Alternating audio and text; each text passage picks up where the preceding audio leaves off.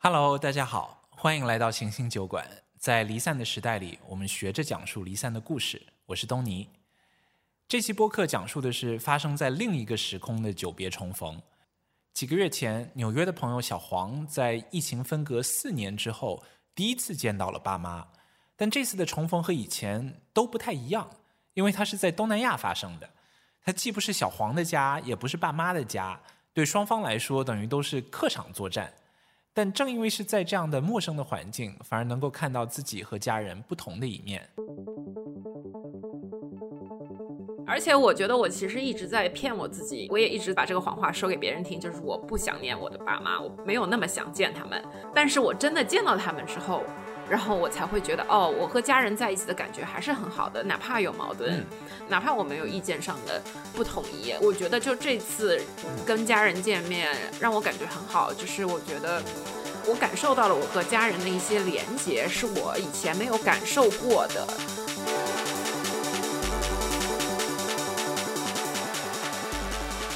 呃，你最近怎么样？最近还可以，摸鱼摸的比较舒爽。啊，挺好，摸鱼赛高。对，我刚睡醒。哦，我刚从一个比较嗨的状态过来的，所以我不知道聊 聊这个。我之前跟小杨聊了一期，聊之前呢，就觉得哎，可以大概做一个系列吧。就是我就发现这个离散的整个体验有一个很核心的一个东西，现在我们必须要讲的就是久别重逢。对，因为我们在这个特别断裂的一个情况下呢。再重新接在一起的时候，就会有特别特别多种微妙的情绪和体验。你是断的时候你不知道，然后你接上的时候你才发现，哦，this is we're missing，或者说原来大家都改变的不一样了。对。那这一集可能就是聊一聊重新和家人相遇的这种感觉吧。对我现在已经有一个多月了，哎，嗯，现在是十月二十八号，那可能那是有啊一个多月，快两个月了，所以我已经心情平复的已经差不多了。所以，所以就是你，你当时是一个什么样的情况？就是我九月份去泰国见我的爸妈，去之前呢，我有大概四年没有见过他们了，以及我弟弟，所以我四年都没有见过我的家人。呃，那我非常的紧张，因为我嗯四年没有见他们，我其实不知道如何跟家人相处，我也不知道跟他们说什么。啊，然后我跟我家人重逢之前的情况呢，是我们甚至在微信上也不怎么聊天或者说话，就是其实我们对对方的生活知晓非常的少。嗯嗯，所以反正我就很紧张，大概紧张到去之前一周，我整个人就就每天都在想，我要怎么跟我爸妈相处，我要跟他们怎么说话，嗯，然后会焦虑到睡不着觉。哇哦，然后见到我。爸妈之后呢？我的第一反应就是我看见我爸妈老了很多，我就很就是很心酸。我比他们先到的泰国，然后他们呢是晚上大概九点多十点钟到的。我去接他们，就在我我们租的那个 Airbnb 外面接他们。我看到我妈下车的那一瞬间，我就很想哭。然后这个状态就一直持续到大概。我见完他们回纽约之后的一个星期，我就每天被各种的情绪包裹，呃，我特别的 overwhelmed。你这么一说，我就觉得好像他其实并不是说这个见面的过程，而是这个见面之前积累了好多好多好多好多的东西。你没有见到的时候，你不知道这个重量究竟有多少，就是你要不断的去欺骗自己，因为。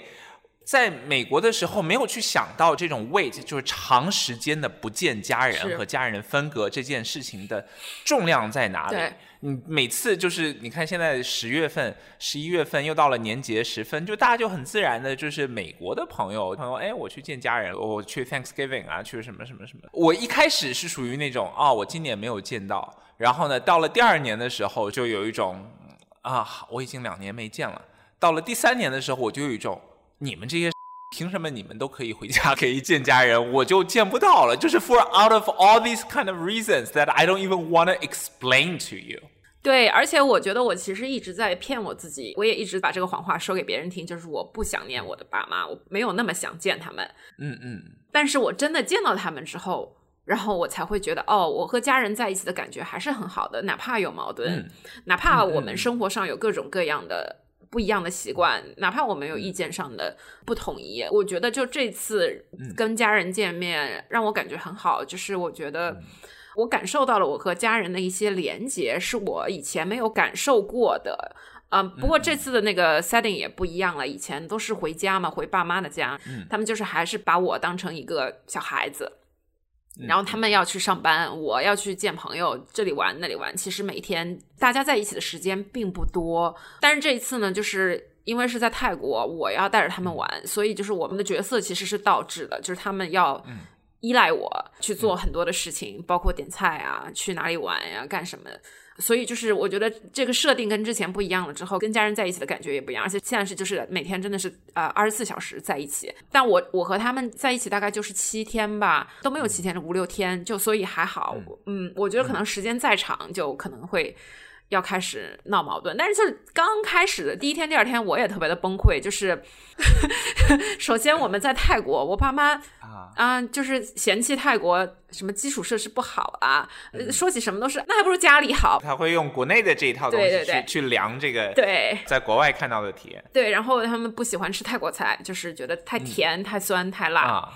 反反正就是 everything was too much for them。我们大概是第一天是在古城里面走了大概不到十分钟，我妈就说不行，受不了，太热，要回去。要 总之就是，我当时就在一个就是我我已经为你们组织了这一次的家庭的旅行，我买了机票，我我给你们搞了签证，我租了这个 Airbnb，我做了这个行程，你们什么都不满意，就是又回到了小时候的那种。我我感觉是一种创伤，里面就是无论我做什么，我的父母都不满意，我总是不够好，嗯啊啊，然后到大概到了第二天就开始好转，嗯嗯嗯，哎，其实第一天可能第一天下午就有好转，因为我带我爸妈去做那个呃 massage，我妈这个人呢是特别的负面，她什么都不想做，什么都觉得她自己不感兴趣，但是真的带她去了呢，我妈就爱上了泰式马杀鸡。就是就是第一天下午就把他们给按爽了，所以就是泰国终于有一件事情入了他们的法眼。就这次出来是他没有享受到，你能看到他们 OK 开开心的。对对对，但是就是吃的他们真的是好讨厌。然后第二天就跟我说不行，我我不想在外面吃了，不今天不愿意吃泰餐，带我们去菜市场，我们要自己做饭。嗯，然后行就带他们去那个孟买市场，就最大的那个市场。然后就买了一堆吃的回来，然后最最让我惊奇的是，我妈从她的行李箱里面拿出了一根擀面杖，我两包酵母，一个硅胶垫，我妈要给我蒸包子吃。然后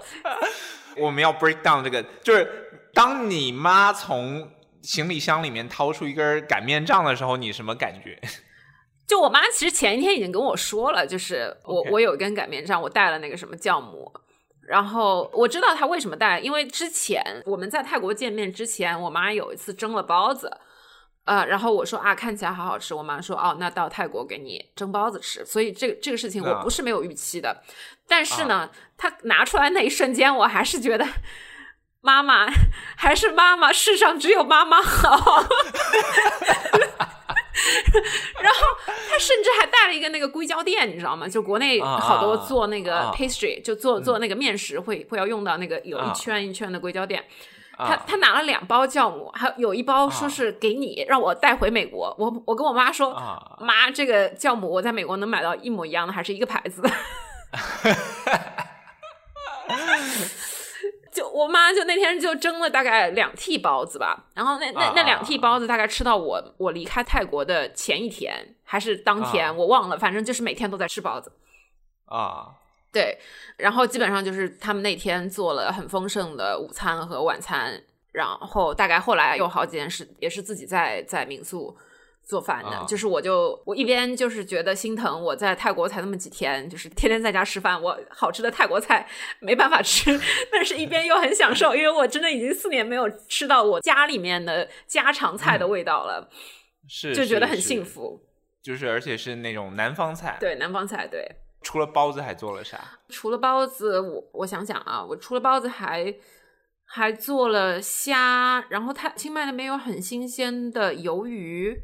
是鱿鱼还是章鱼，我记不起来了。应该是鱿鱼，白灼鱿鱼，嗯，对。然后煎豆腐，我我在家我爸妈会做的一些菜，就是口味完全是一模一样的。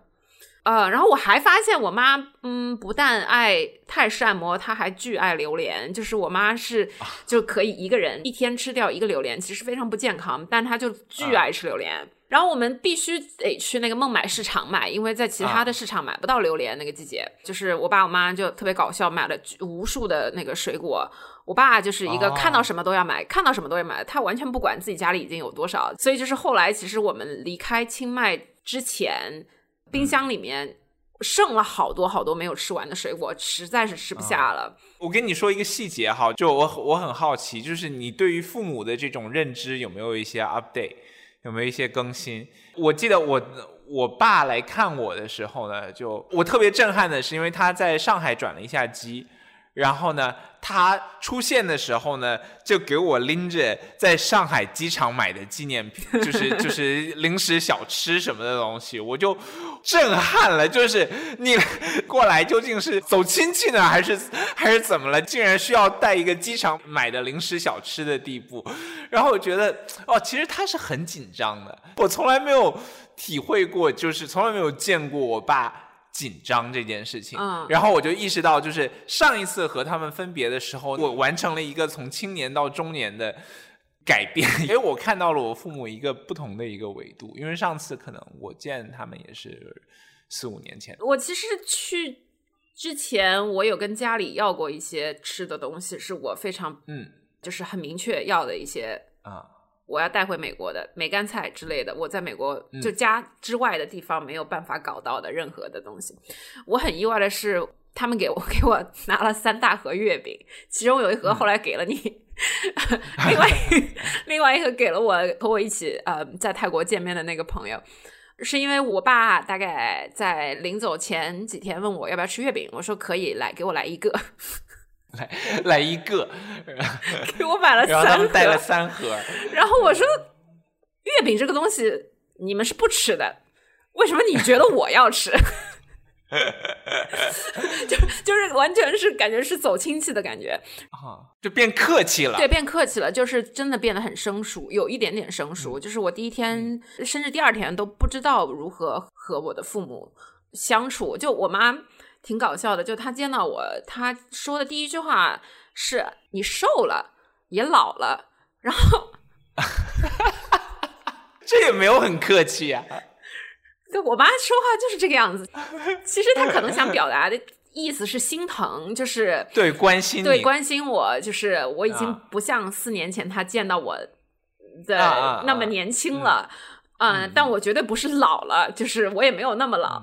然后我看到我妈的感觉就是我妈，呃，背驼了。我妈的背有点弯，就是她比比四年前更驼了。嗯。然后我爸我妈当然是就是 visibly 就是更老了，因为他们年纪大了嘛。然后我弟是变胖了，因为我弟去年做了手术，然后他的那个整个代谢受到了影响，所以他激增了十多斤，就真的是跟我四年前印象里差的非常非常的多。但是这些倒还好，让我最震惊的事情是。我发现我爸妈的观念好像有一点变化。我去见父母之前，我最害怕的事情，我那么焦虑，其实我就是害怕他们一怕他们催我回国，二怕他们催婚。但是其实我们相处的那一周里面，这两件事情都没有频繁的发生，就是我都不记得有没有具体催我回过国，可能只是旁敲侧击说啊，国内这么好，那你为什么不回来？大概就是只是问了这么一次。然后至于催婚这个事情，真的让我非常的意外。就是，嗯，我妈都大概是第一天见到，呃，第二天，第二天，嗯，我妈说：“哎呀，就是你年纪不小了，自己的事情，终身大事应该提上日程什么。”我然后我就装傻，我说：“什么终身大事？” 她说：“结婚呢。”我说：“我对结婚不感兴趣。”然后我妈说：“不结婚没关系啊，但是孩子还是要生的，不然以后谁来照顾你？”嗯，然后我当时。我就愣了一下，就是我妈原来变得这么 progressive 了吗？就是不结婚生孩子都可以。然后我就我就跟她开玩笑，我说：“那你结过婚？你结了这么多年婚，你开心吗？”我妈就愣了一下。我妈说：“嗯，当然有苦的时候，但是也有开心的时候。孩子长大就好了。”然后大概这个 conversation 就就此结束。但我后来其实想了很多，我觉得我妈就根本不在乎我结不结婚，也不在乎就是我生不生孩子。她最在乎的是有没有人照顾我。当然，在她的观念里面。我必须得被一个男人照顾，或者是必须得被一个孩子照顾。她觉得我一个人太惨了，一个人太可怜了。我觉得这就是她的想法，但她是不会把这个话跟你说的。她她是不会觉得啊，妈妈很担心你一个人在国外，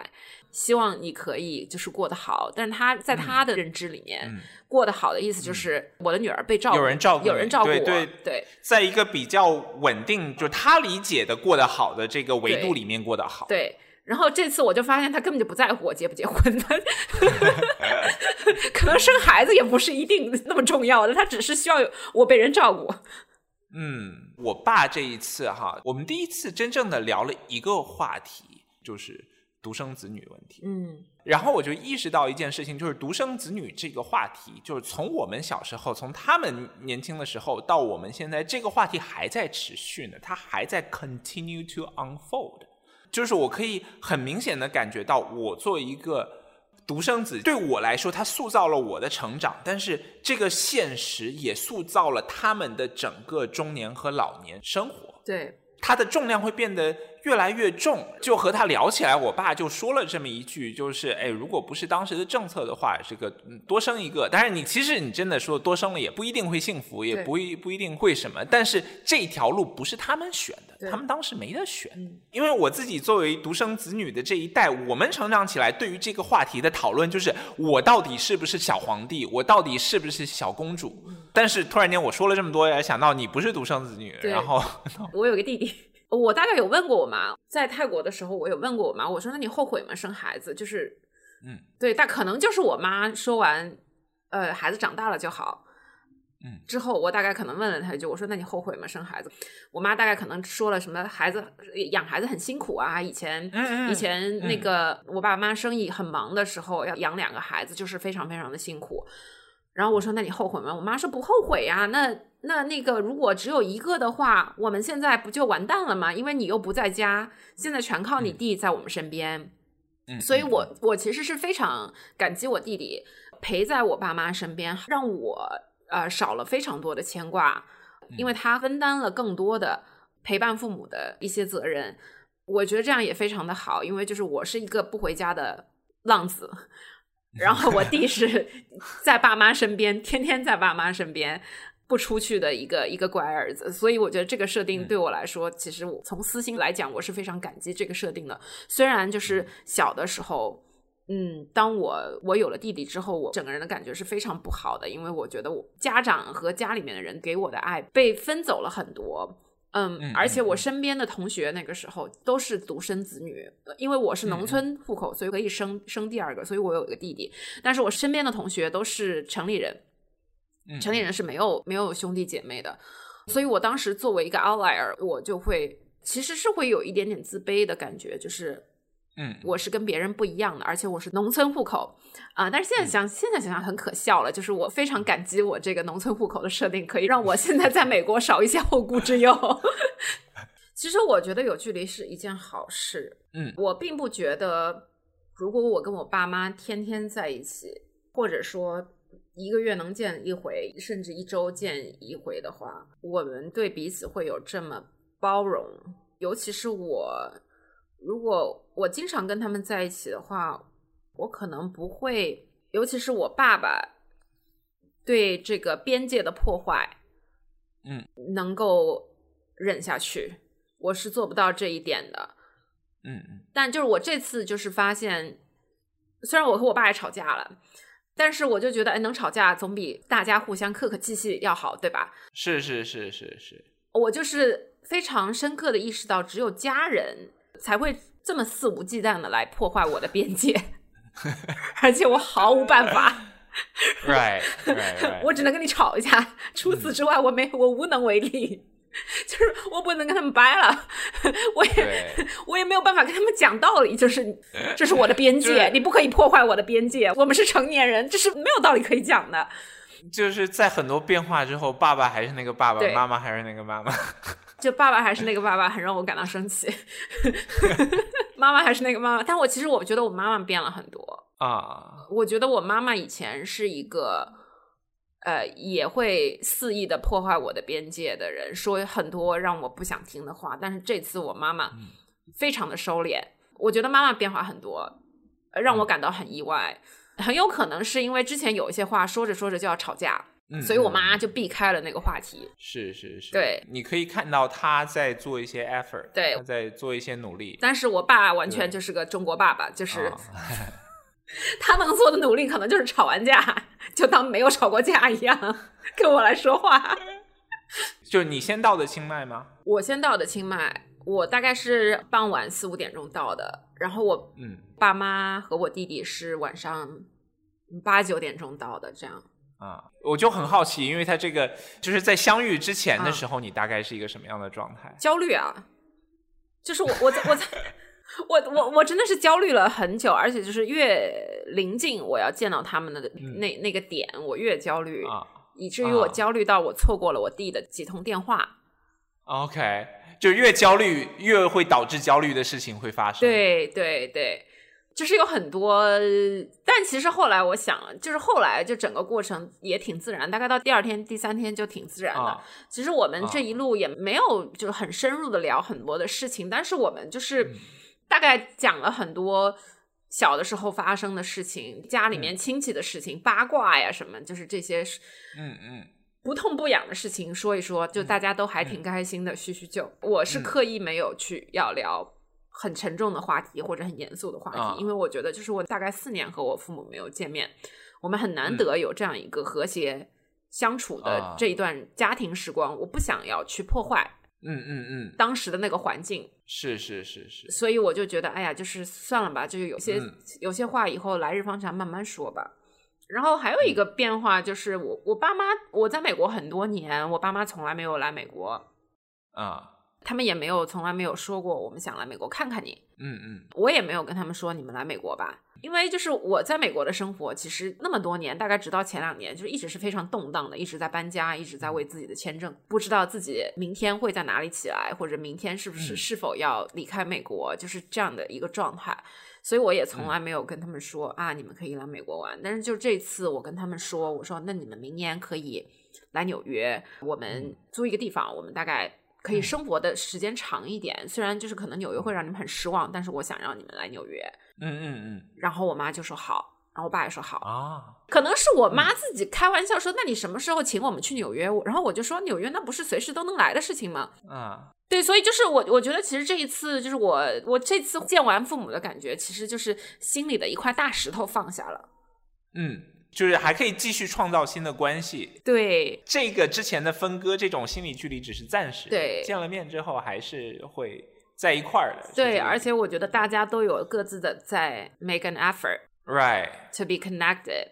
啊，然后我我其实最意外的是我的感情之充沛，就我每天真的是我我的眼睛就跟自来水龙头一样，就是随时的想要流眼泪，就真的不骗你，就是比如说我在厨房，我妈在收拾那个洗碗。嗯，然后不知道我妈说起一个什么事情，我就很想哭，然后我就我就要眼泪一直忍回去，要控制，对，要表现的很正常。然后，但是我每天晚上到我自己房间里了之后，我一定会就是哗开始哭，就是那种也不是就大哭，你知道，默默的流眼泪，就是。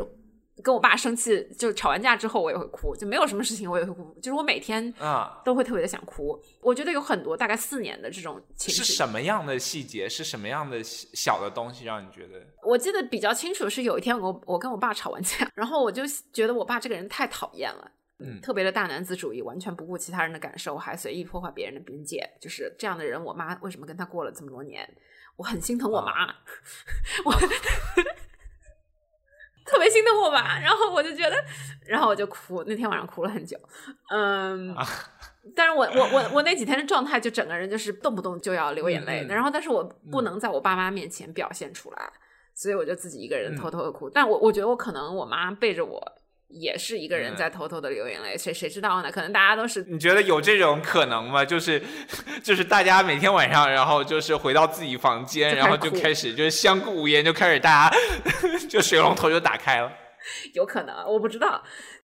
我爸说他是说就见了我第一面那个晚上，他就整个晚上都没睡觉，就就没睡着。对，就是我觉得大家都会有很多很多的情绪，然后我这个情绪里面，我觉得我肯定是有内疚、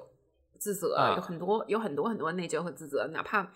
包括就是我在见到他们之前，我跟他们关系如此之疏离，啊，我有很多这方面的自责，也有欣慰，有很欣慰的，就觉得终于见到了爸妈，就是重逢了。我觉得更多的是 relief，嗯，就还是就是心里一块石头放下了，就觉得啊，爸妈还是那个爸妈。就是我们还是那个家庭关系，对，这这是这是我熟悉的一种关系，但是我已经将它搁置了四年，嗯，就是我已经把它在 back burner 上放了四年，就现在又重启了。对，而且这个四年可以说是说长不长，说短不短吧。它其实是如果哈，如果说一开始说走的时候，我们说我们要四年不见，大家都会有一个心理准备。但是这种分割，它其实是一年一年累加起来的。第一年，哎，不太方便，哎，第二年发现，哎，有什么事儿，然后呢，拖着拖着，突然间就变成了一个巨大的分割。对对，就是以前就是一年见一次，甚至一年见两次，就觉得，嗯，从来没有觉得见爸妈是一件我需要精心计划，嗯，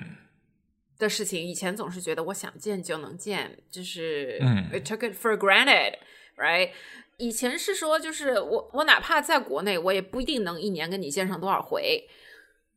但是现在一切都不一样了，就是大家都知道，我们已经现在不是四年前，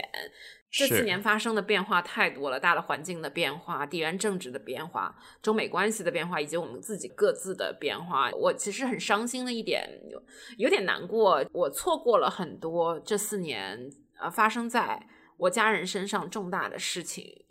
比如说，我爸过了六十岁，家里面有白酒，然后我爸妈搬家，我弟弟得了甲状腺癌，然后他做了手术，呃，我妈有过一次比较大的情绪上的那个 breakdown，我都没有办法在身边，我甚至是就是没有过多的表现关心，因为我根本就不知道，就是我在美国可以为他们做什么，嗯。然后我也就是在回避这个事情，然后等到我大概见完他们之后，我就会很自责、很后悔，就是这四年错过了他们太多的事情。当然，他们错也错过了我的很多的，就是重大的事件。我我其实大概从离开家来美国之后，我生命当中重大的事件，我父母是我家里面人是每一件都错过的，我甚至也不跟他们讲。嗯嗯，然后我就是觉得，就是跟父母这种疏离的感觉，还是会让我有一些。感到难过，这就是为什么，就是我离开清迈之后，我跟我父母说，呃，我离开清迈之后，我在飞机上，在回纽约的飞机上，我写日记，就写那一周发生了什么，我就开始边写边流泪，边写边流泪，就根本就无法控制的，就是开始哭。我旁边坐着一个印度姐姐，就来很好心的来问我，就是就是 Do you want to talk？然后我就就真的是因为是个陌生人，我就开始 talk，因为这是。不需要钱，不需要付钱的 therapy，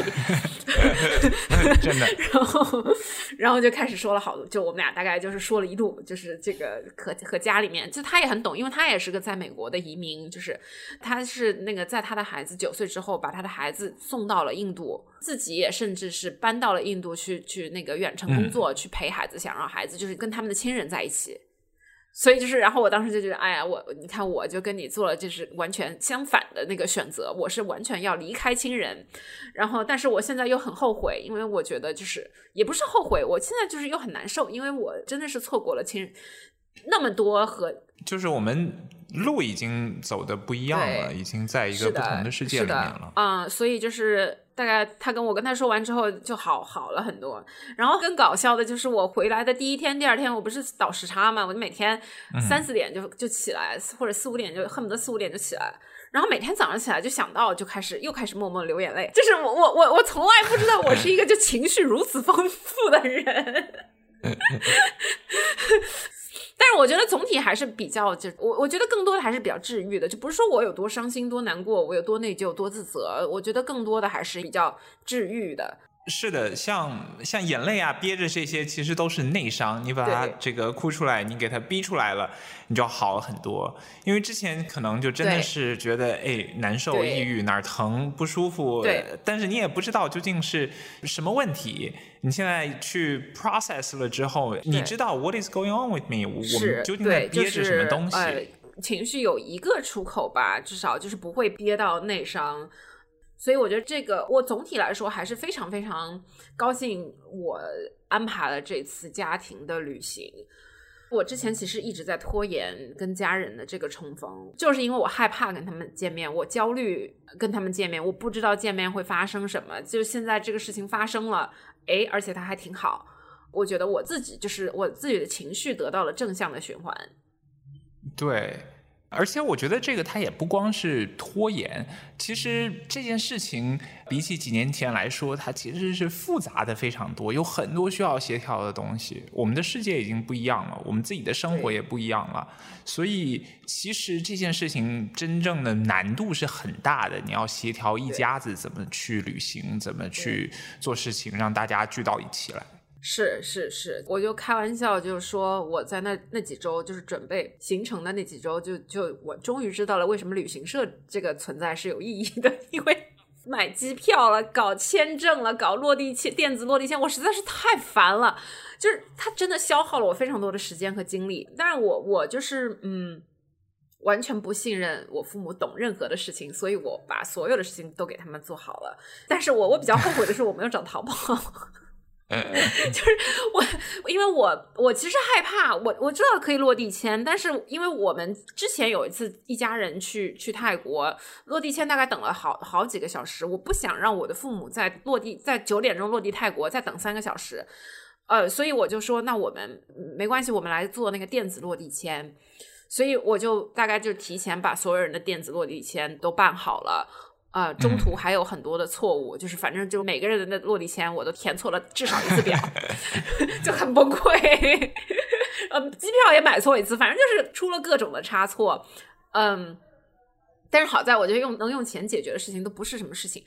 所以就是我完全就是我，我就现在就觉得我完全是像照顾小朋友一样，就是在为我的父母。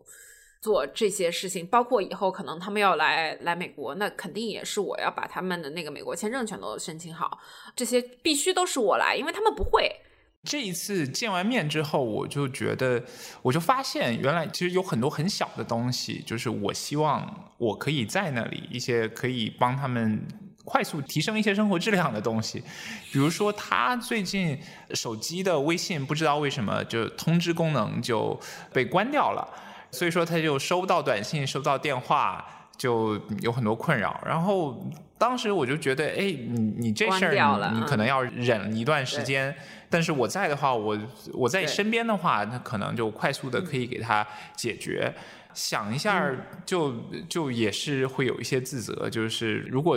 住的比较近，如果沟通比较多的话，那这个对对对。不好意思，我又比你幸运一点，因为我有弟弟。住在他们身边，所以这些事情其实不需要我帮他们解决。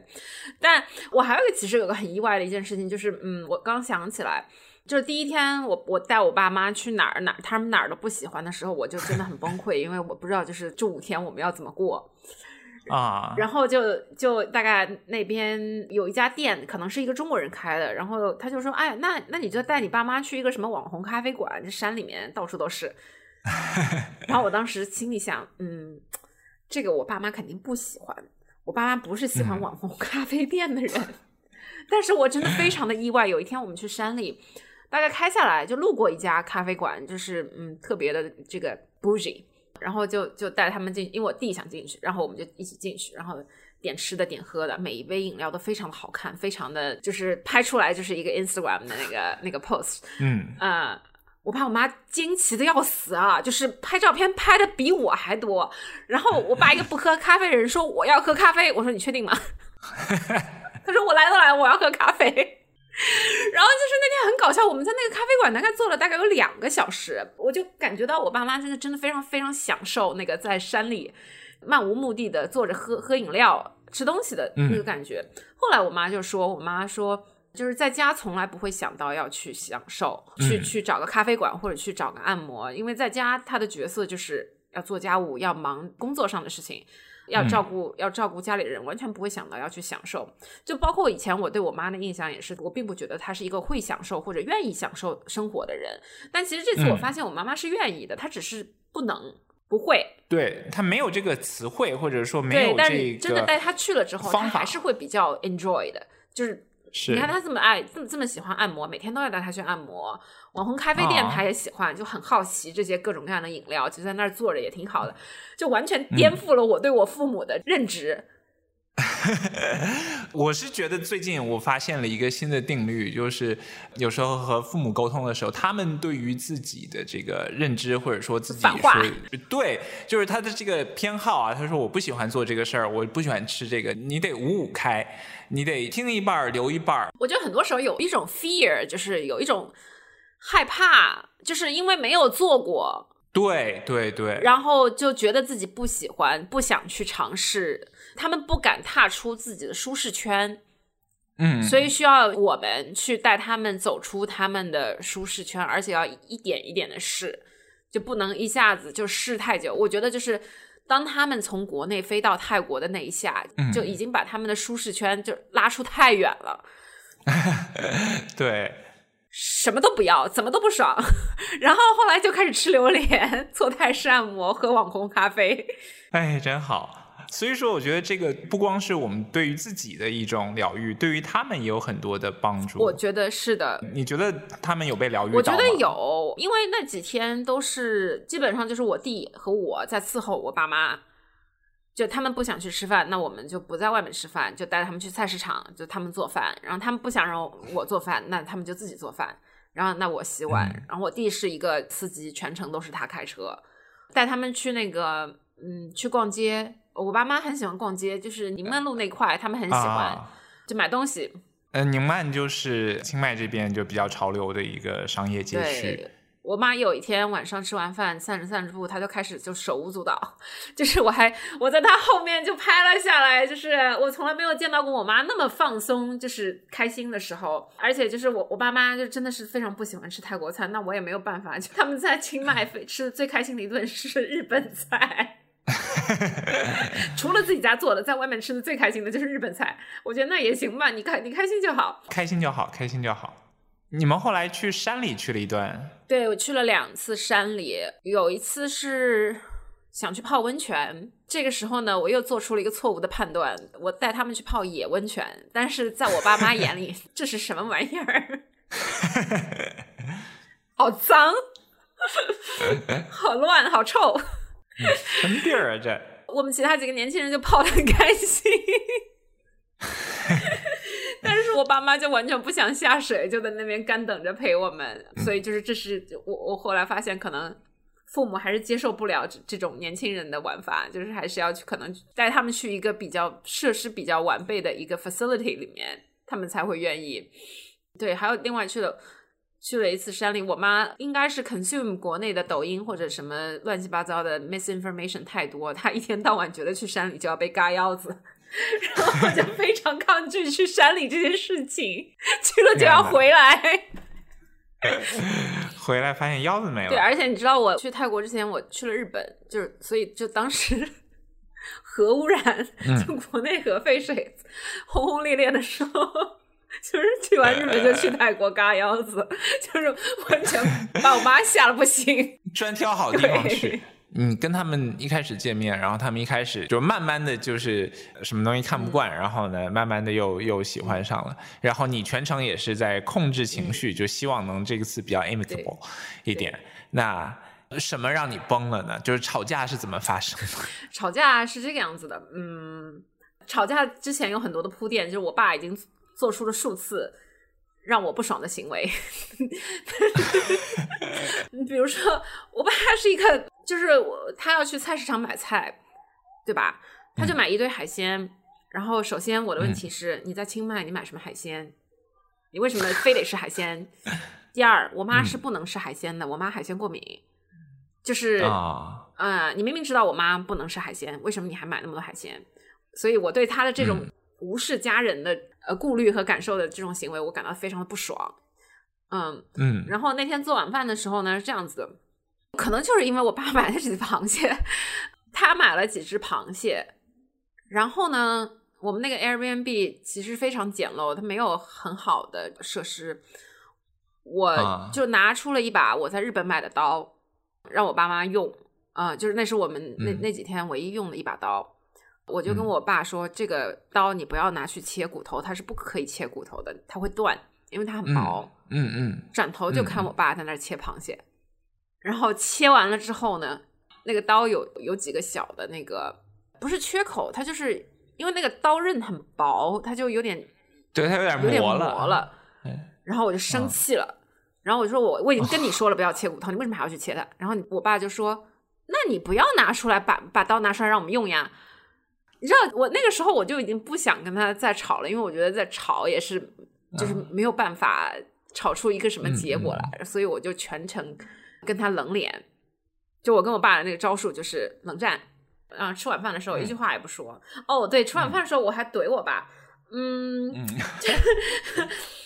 是说我妈说说起一个什么事情，就是说我，她就说啊，你弟弟以后肯定是一个呃是个暖男，因为弟弟很听话。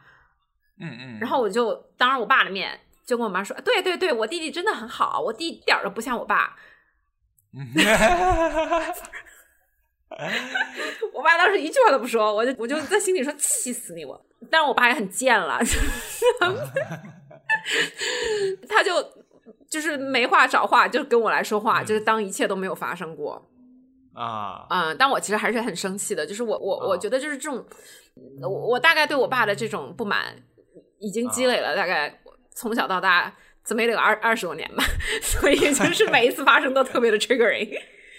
right，所以那个就叫吵架了嘛？对啊，这个就算是吵架了，因为我其实不是一个会和别人正面冲突的人，然后哇哦，对我跟家里人吵架都是就是长篇大论这个哦，真的啊、我我是不愿意说话的，我就是冷战的，啊。嗯，对，嗯，然后就吵了之后就，嗯，第二天就没事了，就是他就跟没事人一样了，那我也不能不能怎么样，就觉得哎，反反正我也已经骂过你了，而且我当着你的面骂过你了。OK，我其实就是对我爸是没有什么期待的，然后我也一直对他很失望，就是，我就觉得哎呀算了吧，他他六十多岁了，不会再改了。我嗯，好不容易见一次，不犯不着跟我爸怄气，而且我妈还在那儿，对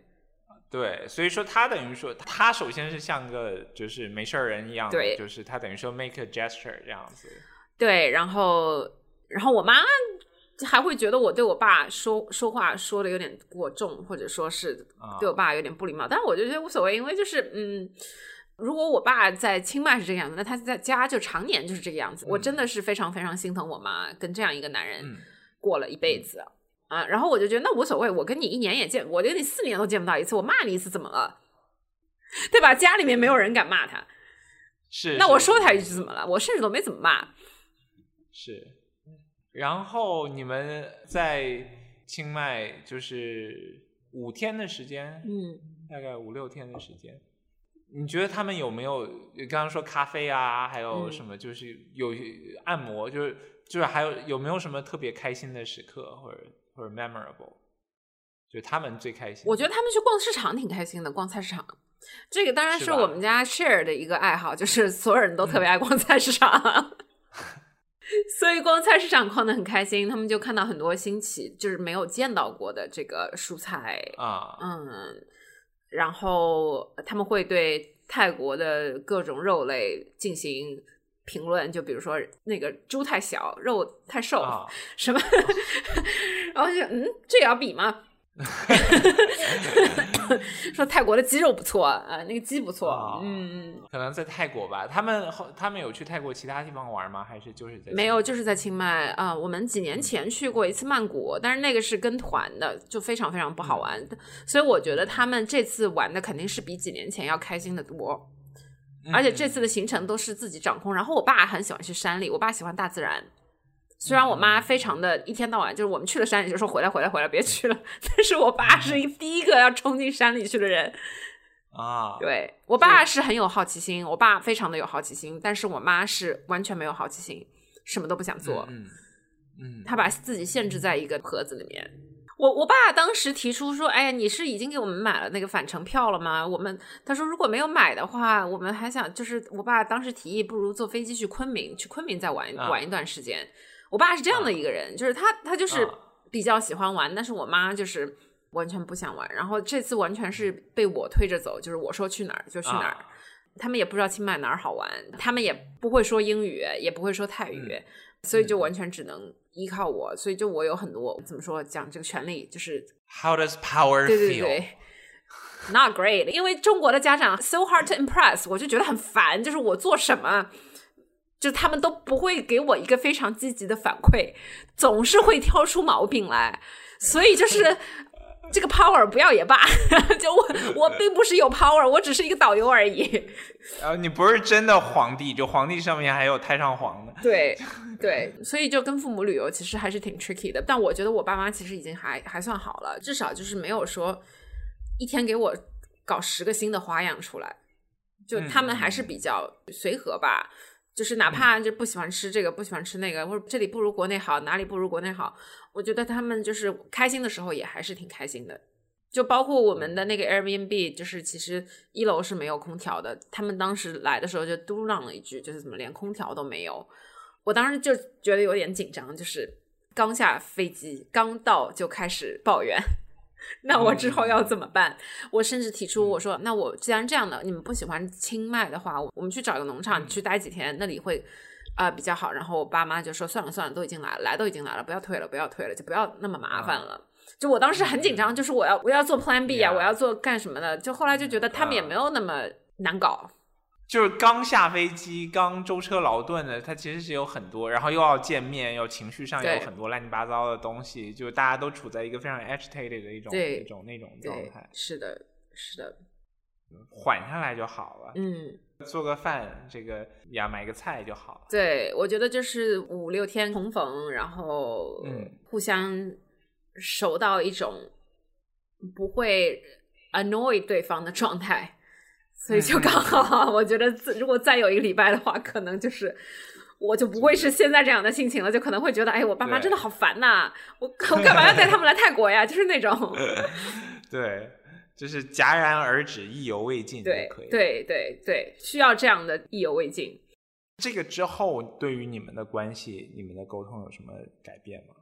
我觉得好很多呢，因为我觉得我妈，至少是我妈，可能我爸也是，应该是放心了很多。我其实，在泰国的那个那周的状态其实是不错，因为我已经提前休了一一周假了。就因为我本来就是不想刚刚就是工作完就直接去见他们，我就是想让自己先放松下来，然后再见他们，状态会好一点。所以我那周的状态是不错，呃，可能这个也有也有帮助，就是我不会那么的容易被。Annoyed 或 trigger，嗯，后来回来之后，我有比较频繁的跟他们保持联系，就比之前频繁很多，所以这个也是不错的。我觉得那个壁垒之前的那个障碍好像就不见了，呃，现在就是跟家人沟通就顺畅很多。哎，你这么一说，我就突然觉得，你知道吗？就是当然哈，现在新冠还存在，这个病毒啊，就所有的这个东西存在。但是见完家人，我我接下来还会，我还没见到我妈。我上次见了我爸之后，我就真的有一种，哎，疫情的这个阶段，就对我的人生来说，pandemic 这个东西，这个 phase 的 trauma，这个 phase 的这个东西东西结束了，下一个是一个新的。有我我我有特别强烈的这种感受，就是回来之后，虽然有几天时间，就我还在 process 我之前的那些情绪，嗯，但是后来我很明显的感觉到，就是我真的是心里的一块大石头。落地了，我因为这个去之前见父母对我来说是一个非常非常大的 stressor，嗯嗯嗯，然后现在就这个 stressor 没了之后，我整个人都感到一身轻松，就是我突然就觉得，嗯，没有什么事情让我能够那么的焦虑了，嗯，就去年可能这个时候很多很多的事情，父母啊，身份啊，然后工作呀什么什么的，但是今年。见完父母之后，所有的这些事情都不再让我焦虑了，所以我就觉得我的我的生活确实是进入了一个新的阶段，就是我可能过去四年的生活那种动荡不安的生活就结束了哦，然后可能还有嗯更明显的体现在我突然买了一些家具回来之后 因为我以前我住的地方一直都是家徒四壁，嗯，我只买必要的家具，因为总是觉得我随时都要走，我不知道我明天是否还待在这里。但是我突然就是见了家人之后，我就就觉得更加安心了，然后我就开始买家具。Nice，对对对，我觉得我我当时我有一种感觉，就是自己对于自己的年龄和自己人生的这个阶段的认知，很多时候是 in relation to your parents。我老觉得我自己还是个小孩儿，嗯但是当我发现四年没见了，我父母长大了这么多之后，我也长大了这么多。但我觉得我在我父母面前，嗯我的问题跟你正好相反。我总觉得我自己啊是一个成年人，我是一个完整的人，嗯嗯，我有我自己的啊、想法，我有我自己的决定，我有我自己想要做的嗯事情。但是我的父母总是把我当成一个小孩子，尤其是我爸爸，这个是让我嗯非常非常非常受不了的一件事情。但是就这一次跟他们见面，反而就这种感受没有那么深刻。我觉得他们嗯有把我当成一个人，一个成年人在对待，这个让我是感到非常欣慰的。就所以在、again，我觉得这是因为我们是在一个陌生的环境，我不是在家里，是是对这个很重要。对，在一个陌生的环境，它就是整个权力的这个 power dynamic 它就变了。I love it。就是被当成一个成年人，被当成一个人。对，我的要求没有很高。是是是是是，所以他们最后有没有对于你的表现做出一个评价，或者说就对于这个整个 trip 这个东西，他们是满意的吗？没有做任何的评价，就我的爸妈不会跟我来说这些事情的，当然我也没有问他们，OK，但是我知道，就他们最后临走前的一个晚上非常的开心，因为我带他们去宁曼路那边的一个 shopping mall 啊，疯狂购物，就是而且买了一堆，你知道买了一堆非常不值钱的东西，因为要回去送送人啊什么的，然后最后就哦。担心那个行李超。非常非常 搞笑，我们在家还花了半天的时间，就估计就是这个，就是这个 story 特别的长，因为我买了廉价航空，就是那个，然后就要估行李，就各种 疯狂的分箱子。然后呃，第二天到了机场之后，发现还超啊，还怎么样，反正就各种几个箱子里面来回倒腾啊、就那天他们很开心。然后那个我我我送他们进那个安检口的时候，其实我就是我能够感觉到我眼泪马上就要出来了。嗯，所以我就是没有敢看他们，我就马上就是挥了挥手，我就走了，就是因为不然我再待下去，我就我就会当着他们的面嗯嗯会流泪，然后我不想让他们看见。这个感觉呢就很有意思，这个很像我当年第一次出国，大概是二零一一年，十多年前了。我我爸我妈送我去机场，然后他们送到哪儿我记不清了，反正就他们他们就跟我说再见就走了，然后我也就再见正常的走了。我大概转头就开始哭，嗯嗯也就是第一次和这一次，我我明显的就跟父母分别，我会有那么强烈的那个情绪上的波动。嗯，哇，我 process 一下，我在想这件事情就是这样子的，我是。我是那种，你知道，我我从小到大，我是那种小孩出现在机场，然后脖子上挂着一块牌儿，叫“无成人陪伴儿童”。所以你有 experience，就是我从小是这样的环境里面，从小就是就是家人给我捎到那个机场，嗯。然后呢，机场那边姐姐就把我接着就就就就上飞机了，就从六七岁就开始就这样和父母分别，嗯。然后分别的都很习惯，嗯。但是呢，就是随着年岁的增长，这个告别的重量就越来越重，越来越重，越来越重。嗯，尤其是我觉得这三年之后，会更嗯加觉得和父母的相聚一年比一年不容易，嗯，可能以后会更不容易。嗯嗯就是说，我应该是意识到了，就是以后就是见一面少一面这件事情。但是我会我我又觉得，就是我们都有各自的人生要过，父母的生活是他们的生活，我的生活是我的生活。我能够做到的，可能就是嗯，尽可能的和他们一年见一次，不管是在纽约还是在其他的地方，就可以保持这样的频率，我就觉得已经很不错了。其实，甚至我觉得，就是这次在国外见，比我以前回国和父母相处的那个状态好太多了。是的，是的，我也是这种感觉。我觉得，我觉得其实。在海外和父母见完之后，其实给了自己挺多希望的。就是原来就觉得和原生家庭的 trauma 嘛，你就是 you're born with this，you don't have a choice。对。但是现在就觉得哦，自己有很多的主观能动性，我可以做的事情比我想象中的要多很多。就是因为我是就是独生子女的缘故，我觉得就是我们要面对 future plan 的这种压力更大一些。对，然后呢？我父母的态度是很明确，我觉得我也很明确，就是大家以后是要在一起的。嗯，就是 simple as it is，就是不管你人在哪里，大家是要在一起的。我就意识到，OK，在一起的话，也不是说啊，十年之后、五年之后就突然间就棒就在一起了。No，就他有很多的东西，你需要去做前期的工作，去准备、去计划。嗯，然后还有一个，我爸其实他就提出了一个 关键的概念。Quality time，嗯，就是有多少时间和有多少 quality time 是不一样的。对，就是我们手上真正的 quality time 没有那么多。对，然后，然后我就意识到这个，然后我就也差不多有点绷不住了，就真的觉得越是这样子，那越要去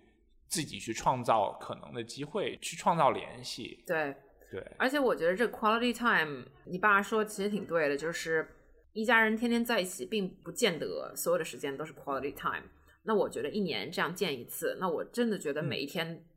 都是 quality time，所以我觉得这种频率可能不是那么重要，时间的长短也不是那么重要，重要的是就是你们在一起的时间，你们是否互相感觉到连接。反正我以前是没有感觉到我和父母有有连接，只是在这次非常神奇的感到了这种连接。嗯嗯嗯嗯，对，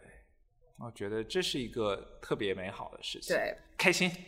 开心，开心。希望大家都可以和父母共享 quality time，重逢 是的，是的，物理上的重逢也好，心理上的重逢也好，或者开始建立联系。